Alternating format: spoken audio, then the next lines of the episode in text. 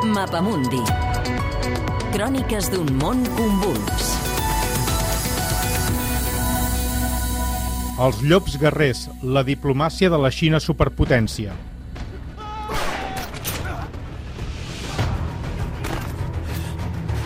Els últims anys a la Xina de Xi Jinping han sovintejat els èxits de taquilla de pel·lis d'acció, la que més, amb una seqüela, es titula en anglès Wolf Warrior, el llop guerrer.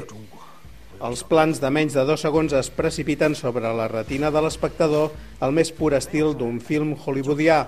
El protagonista és un tirador d'elit expedientat per desobeir una ordre. És reclutat aleshores per les forces especials de l'Exèrcit Popular d'Alliberament es convertirà envoltat de vegetació selvàtica en l'heroi d'una operació contra un senyor de la guerra al sud de la Xina, que amb ajuda d'un mercenari nord-americà, ex-Navy SEAL més concretament, es vol fer amb un component que permetria fabricar una arma biològica dissenyada per matar exclusivament xinesos. La saga ha donat nom a un equip de portaveus del Ministeri d'Afers Estrangers xinès i també d'ambaixadors que han adoptat un to assertiu davant de la comunitat internacional durant la crisi del coronavirus. Algunes cancelleries europees, el responsable de la diplomàcia europea, Josep Borrell, han respost a les pressions de la Xina durant la crisi del coronavirus. En particular, Pequín va advertir als 27 que la cooperació se'n ressentiria si es feia públic un informe crític amb la resposta xinesa a l'inici de la pandèmia. Però, en bona mesura, el to més agressiu s'ha donat en el pols dialèctic amb l'administració Trump, que responsabilitza la Xina de la pandèmia. Per exemple, quan a Twitter, censurat a la Xina, un dels portaveus del Ministeri d'Afers Estrangers s'abona a la teoria de la conspiració i reclama transparència a Donald Trump, que aclareixi al món si el virus no el van portar soldats nord-americans a Wuhan a l'octubre del 2019, amb motiu dels Jocs Militars, una mena de cita olímpica entre exèrcits. L'autor de la piulada és Zhao Lijian, un cadell, diríem, perquè és l'últim que s'ha incorporat a l'equip de portaveus, però també és el rostre més sec i el de to més dur.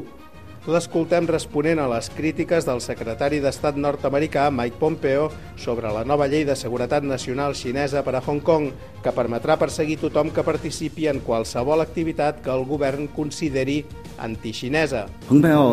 Pompeo, sense cap vergonya, va dir que està al costat del poble de Hong Kong. En realitat està amb les forces violentes negres per la independència de Hong Kong. L'antiga colònia britànica és un dels fronts del conflicte amb els Estats Units i l'antiga metròpoli, la Gran Bretanya. En declaracions a un grup de corresponsals estrangers a Pequín, entre els quals hi era Catalunya Ràdio, l'últim governador de Hong Kong, Christopher Patton, rebutjava des del Regne Unit l'agressivitat dels llops guerrers, que, per exemple, arriben a retreure a Londres que no volgués més democràcia per a Hong Kong. Després del 1997, Hong Kong serà el responsable de determinar el seu propi camí de la democratització. Això és el que van dir.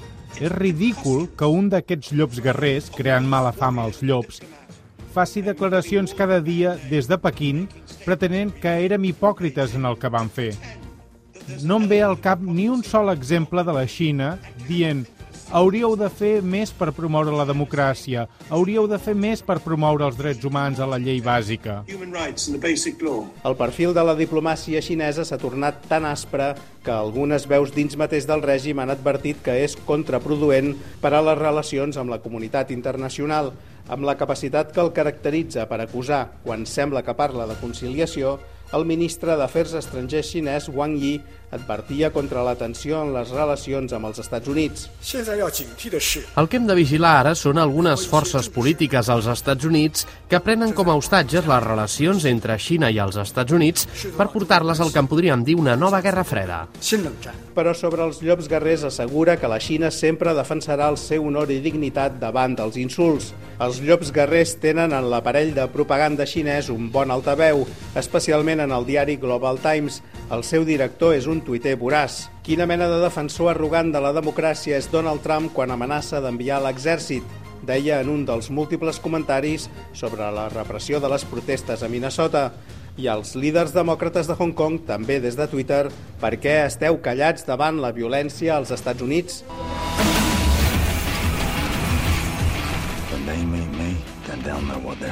En la desgràcia del racisme a la potència hegemònica, Pequín hi veu una feblesa que pot aprofitar per marcar perfil nacionalista, una estratègia de cohesió en el pla intern, en un any difícil, el del coronavirus.